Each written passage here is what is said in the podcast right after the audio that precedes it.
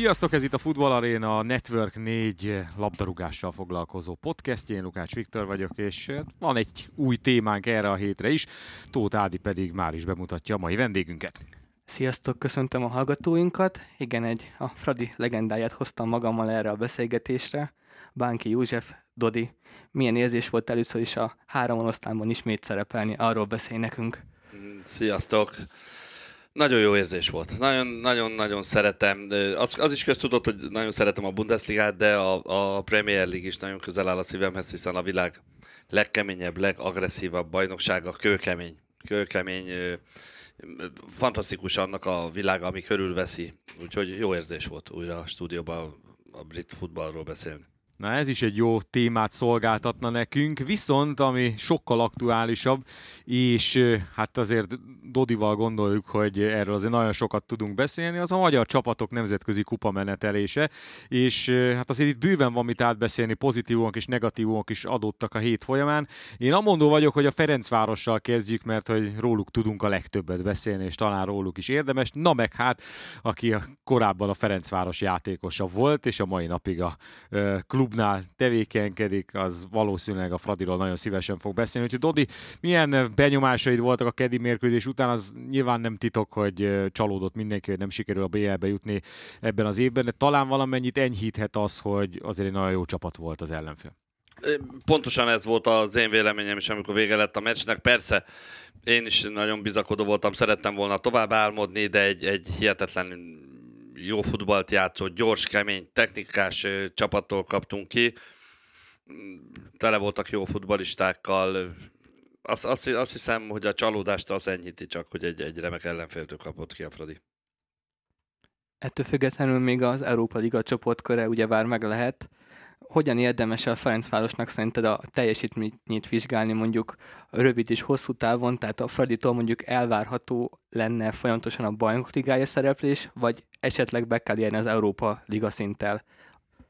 Hát eleve úgy indultunk neki, hogy a konferencia liga csoportkör az alap, az Európa Liga csoportkör a bravúr, és a bajnokok ligája a csoportkör az álom és a csoda kategória.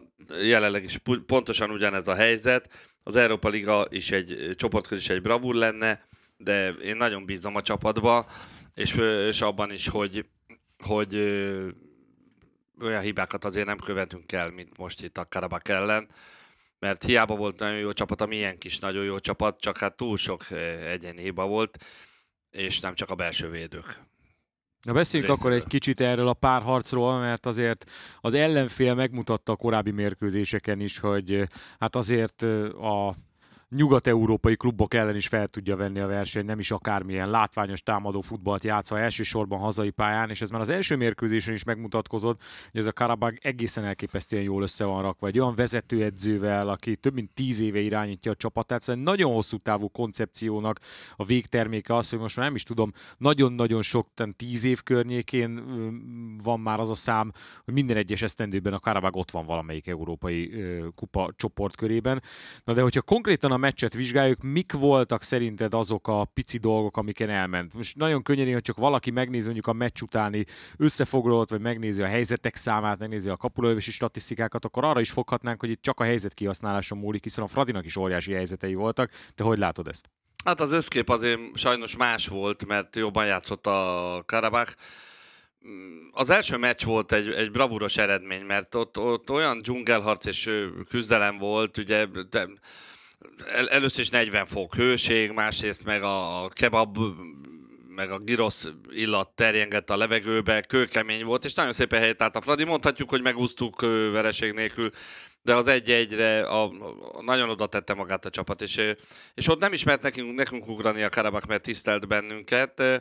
A második meccsen ott, ott három olyan játékos szállt be, főleg Kadi és Almeida személyében. Kadi parádés futbalista, ami megmutatta, hogy az ilyen technikás nagyon drága futbalisták is tudnak alázattal futballozni, hiszen nem csak a támadó játék, hanem a védekezése is átlagon felüli volt. Nálunk, nálunk sajnos dobtuk a hibákat, több egyéni hiba volt, de ami a legfontosabb, és sajnos nem, nem bírjuk el, amikor kulcsjátékosok nem nyújtják azt, amit tudnak. Márpedig Aysel Ayduni az egyik legjobb játékosunk, és ő, ő most nem játszott jól, nagyon sokszor hátára vette a csapatot, ezúttal nem így történt, és tök, tök magnak is nagyon rosszul sült el ez a meccs, kimaradtak a helyzetek. De csak ismételni tudom, szégyenkezésen nincs ok, csalódás az van, mert azért egy Fradi szurkoló az, az állandóan álmodik, mindig győzelemre játszik, de most föl kell emelni a fejünket, és a Shamrock Rovers ellen javítani kell. Azt mondtad, az Európa Liga előzetesen mondjuk a Európa Liga csoportkörbe való bejutás az bravúrnak minősülne, így hogy ugye a Ferencváros sorsolását ismerjük, és említetted is az ellenfelet. Az írek ellen mennyire elvárható, kötelezőnek nevezni, de mondjuk a továbbjutást? Milyen meccsre számítasz egyáltalán? Milyen párharcra? Kötelezőnek nem, de elvárhatónak. Uh-huh. Bármilyen közel áll a két kifejezés egymáshoz, Elvárható, mert, mert ez a keret nagyon erős, ez nagyon sokoldalú játékosokból áll, és ha javul a teljesítmény, már pedig azért Pozsonyban megmutatta a csapat, hogy, hogyha nagyon oda teszi magát, és nagyon egységes, akkor nagyon jó futballra képes. Úgyhogy a Shamrock Rovers ellen is továbbjutást várok, úgyhogy a, a, a bravúr továbbra is él. Azért a játékos keretet illetően még most is vannak változások, hiszen mai friss hír, hogy Bassey eligazolt és visszatért Csehországba, bár most ugye Prágába ment. És hát nekem azt tűnt fel a Fradival kapcsolatban, hogyha jól megnézzük, ugye Zsinórban ez lesz a negyedik európai kupa serep, csoportkörös szereplése a Fradinak. És megnéztem a 2019 nyarán lévő keretet, azzal összevetve, hogy most mi a helyzet, és ugye mindösszesen három olyan ö, idegen légiós van a keretben, akik akkor is ott voltak már, ugye Csivics, Tokmák és Boli a harmadik játékos, aki azóta is a klub kötelékében maradt. Tehát nagyon-nagyon változik folyamatosan a keret, sőt a nagy rész vagy tavaly nyáron, vagy most érkezett. Hogy látod ezt a fejlődést, hogy az új játékosok folyamatos érkezése szükséges ahhoz, hogy egyre inkább jobb csapat legyen a Fradi, vagy lehet, hogy némely esetben jobb lett volna akár évekig itt marasztalni valakit, hogy, a, hogy meglegyen egy mag a csapatnál? Szükséges az erősítés, és ez lehet a garanciája annak, hogy elvárható legyen a csoportkör, az, az Európa Liga csoportkör is, mert e, ennél erősebb keretünk nem volt korábban. És, és, és egy idő után van, van, aki már nem tudja azt a játékát nyújtani, mint korábban, mert mondok egy olyan példát, akit nagyon kedveltem emberként és játékosként, itt Miha Blazic szenzációs volt, és a felpasszai az eleinte aranyat értek, de az utolsó évben már nem nyújtotta azt a teljesítményt, amit, amit korábban, de méltósággal, barátsággal elköszönt, mi is jó szívvel emlékszünk rá, de a, a fejlődés érdekében váltani kellett, és igazolni kellett, akár a védelembe is, és a középpályára is, és hát itt, itt az élő példa, hogy a, azért a csatársorban sem minden, mindenki állja meg a helyét, bármilyen jó nevű futbalista, vagy bármilyen jó pénzt kérnek érte, más. De itt a nemzetközi példákban is tudunk, ilyet Fernando Torres-től kezdve Coutinhoig, bárkit, Lukakut is citálhatjuk, hogy az új közegben nem tudta megállni a helyét, de maradjunk a mi közegünknél. Igen, mindig fejlődni kell, és a Fradi évről évre erősebb és erősebb kerettel rendelkezik. A kiesés kapcsán szerinted elő kell venni mondjuk az edzőnek a felelősségét? Egyáltalán milyennek ítélnek Csercseszov alatt a Ferencvárosnak a játékát? Az, az, az edző felelőssége az, az, az mindig adott, és Csercseszov pedig nem szokott elbújni a felelősség elől. Egy rendkívül karakán edző, nagyon jó föl volt térképezve ez a Karabák. Abszolút mindent tudtunk róluk, a, a, a, a, még az három középpályás is semmi extrát nem nyújtott, aki ellenünk játszott. A, a, a gond itt a, nem a felkészítése volt, hanem az, hogy a miénk játszottak tudásuk alatt, és sajnos ez vezetett ahhoz, hogy hazai pályán kikaptunk, de én nagyon bízom benne, hogy a Shamrock Rovers ellen sikerül javítani. Ha sportszakmai szempontból nézzük a különbséget az európai kupacsoportkörök közül, akkor mit gondolsz, melyik íri meg jobban a Ferencvárosnak? Nyilván a bajnokok ligája csoportköre rengeteg pénzt hoz a konyhára, és azért kellett az az év, amikor BL szereplő volt a Fradi, hogy olyan bevételekhez juthasson, amit utána nagyon szépen tudott beforgatni a csapat keretének erősebbé tételére. Viszont az Európa Ligában ott van akár annak a lehetősége is, ugye ettől sem állt messze már a Ferencváros a korábbi években, hogy akár a kupatavaszt is megérje, amely újabb nagy csatákat hozhat, amely elősegítheti újabb játékosok érkezését, hogy na lám itt egy olyan csapat, amely hív engem, és még tavasszal is talpon volt a kupában. Te hogy látod ezt? Képtelen vagyok ilyen kereskedelmi fejjel gondolkodni. Egyszerűen nem, tudom, hogy a BL-ben, ha nem szerzünk egy pontot se, akkor az Európa Ligában mondjuk hármat, a konferenciákában meg hát nem, én nem tudok így gondolkodni. Az ötösön jön felé a labda, akkor csak arra gondolsz, hogy be kell lőni. Tehát mindig a, egy Fradi játékosnak mindig a legjobbra, a legtöbbre kell törekednie. Ez, ez, ez egy kalmár szellem, én, én nem vagyok ennek a híve. Természetesen elfogadom, hogyha valaki így gondolkodik, de, de ez tőlem távol áll.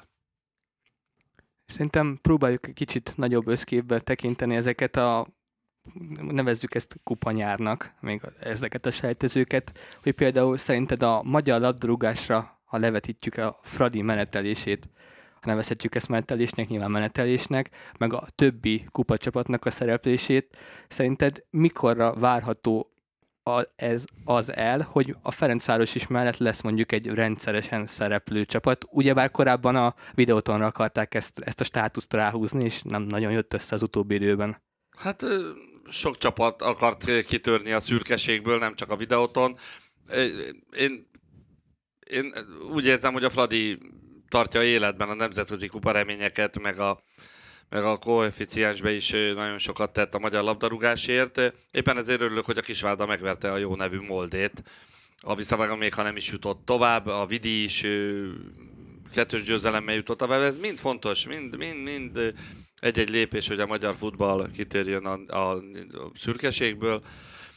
De hát egyetemű, hogy a Fradi a, a zászlós ennek a sportágnak. Szerinted az NBA-nek a mezőnye, a mostani versenyképesség fel tudja jól egyáltalán készíteni a Ferencvárost a nyáron ráváró nehézségekre? Gondolok itt arra, hogy ez a liga mondjuk elég táptalaja lehet annak, hogy mondjuk egy karabag elleni mérkőzésre összerázza a csapatot, ahogy a Ferenc létezik a Fradi, és mögöttük egy óriási szünet van, és nincs, aki felvegye a versenyt velük.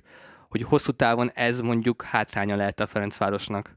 Gyanítom, hogy te is tudod, a kérdésben benne van a válasz, hogy nem. Természetesen az NBA nem tudja felkészíteni a nemzetközi kupára. Hát itt láttuk az élő, élő példa volt a Puskás elleni meccs, a Puskás egy élcsapatnak számít, egy kitűnő együttes. Jó, Szolnoki Roland és Nagy Zsolt személyében kulcsjátékosok hiányoztak, meg Slagbert is ide lehet venni. Tehát az a, az a tempó, az a játék, meg a Karabakh elleni meccs összevetésben egyértelmű a válasz, hogy az NBA egy alkalmatlan arra, hogy a, a, az átlagon felüli nemzetközi szintet megüsse, és, és ott fölkészítse a, a kupainduló csapatainkat. Kapcsolódik ehhez a kérdésem, hogy gyakorlatilag most már ez egy tendencia lett a környékünkön is, meg itt Kelet-Európában is, hogy van egy csapat, amely teljesen kiemelkedik a bajnokságból, és nem ritka az, hogy akár 10 vagy 10, 10 évnél hosszabb győzelmi periódusai is vannak egy klubnak. Nem kell messzire menni a szomszédban, mindenhol vannak, ugye Romániában a Kolozsvár, Szlovákiában a szlován Szerbiában a Cvena Zvezda nyeri, zsinórban a bajnoki címeket, és hát a Fradit is úgy néz ki, hogy nem lehet megállítani. De látod most, hogy az elkövetkezendő években valaki is komoly vetélytársa lehet a Fradinak úgy, hogy itt mm, a zöldfehéreknek folyamatos európai csoportkör van, ami nyilván még több pénzt generál, és már így is az a helyzet, hogy gyakorlatilag nyilván nem mindenki szereti, és én sem vagyok tökéletesen híve ennek a transfermártos összehasonlításnak, de valami táptalajt azért biztosít az, hogy jelen pillanatban úgy becsülik, hogy a Fradi keretének értéke annyi, mint a azt következő három csapaténak összesen. Nagyon nagy a különbség. Fog ez szerinted szűkülni, vagy mi kellene ahhoz, hogy egyáltalán szűkülni tudjon? Hát én nem szeretem ezt a, ez, ez, ez, ez ilyen számháború, nem, meg a transfermárt se érdekel engem. Egyet viszont tudok, nem, az elmúlt években nem mindig, sőt, gyakran nem a Fradi volt a legnagyobb költségvetés, mégis a Fradi érte el a legjobb eredményt, és ő igazult a legjobban, tehát nem csak pénzkérdés itt. Amikor valaki csak a pénzről beszél, akkor ez egy tévút. Szem, szív, hozzáértés is kell ahhoz, hogy egy jó keretet kialakítsál. Igen, a Fradi hegemóniája meg ö, ennek köszönhető. Beszéljünk akkor a hegemóniának a letéteményeseiről, hogy kiket nevezné meg, akik ezt a Ferencvárost olyannál faragták, amilyen most jelenleg. Kinek köszönheti a legtöbbet? Fradi? Igen, jelenleg. Kubatov Gábornak és Nyíri Zoltánnak és a többieknek, akik tíz évvel ezelőtt a legnagyobb bajban átvették a klubot. Egy forintért árulták a Ferencvárost, szégyenbe hozták, meg, megalázták, meggyalázták. Az igazságtalan kizáráson ne is beszéljünk és azt se hallgassuk el, hogy a Fradi mindenkiben szolidáris volt, a Fradival viszont nagyon kevesen, amikor ő, kizárták az MB2-be. Az egy mocskos munka volt. Szerencsére azóta a klub már az őt megérdemelt helyén van, és hát bízunk abban, hogy lesz itt Európa Liga csoportkörös szereplés. Na de akkor egy kicsit nézzük meg, hogy mi történt a többi csapattal is. Ugye a Puskás Akadémia rögtön az első akadályban megbotlott, de hát tulajdonképpen eddig a Puskás Akadémia sorsolása nem volt könnyű, mert rögtön egy borzasztóan nehéz ellenfelet kaptak a Gimares személyében. Mit gondolsz azokról a pár, vagy arról a párharcról, lehet-e itt valahol belekötni a Puskás Akadémiába, vagy egyszerűen ez csak a balsors, hogy pont egy ilyen erős csapatot csodolt elejük az élet? Egy pillanatig se. Körülbelül akkor a különbség volt, mint a Karabach meg a Fradi között. Gyorsabbak voltak, technikásabbak voltak, jobb napot fogtak ki. Egy, egy, egy, egy erősebb ellenféltől esett ki a Puskás, tehát egy rossz szavunk nem lett, ráadásul a második meccsen még aránylag jó eredményt is értek el, mert ez az X, ez teljesen jó a Gimares ellen. Milyennek látod a videótonnak az eddigi szereplését? Na, rendben van. Rendben van a videó. A korábbi években csalódást okoztak, de most a bajnokságban is jó pakson kikaptak, de a Honvédelem maga biztosan jól játszottak, és ez a kettős győzelemmel a továbbjutás az, az, az bizakodással tölt el, hát a neheze most jön. Igen, egy ismerős csapat lesz az ellenfél, hiszen itt azért az Arena 4-en gyakran találkoztunk a Kölnel is. Ugye ott most egy modest nélküli Köln lesz majd a Vidi ellenfele.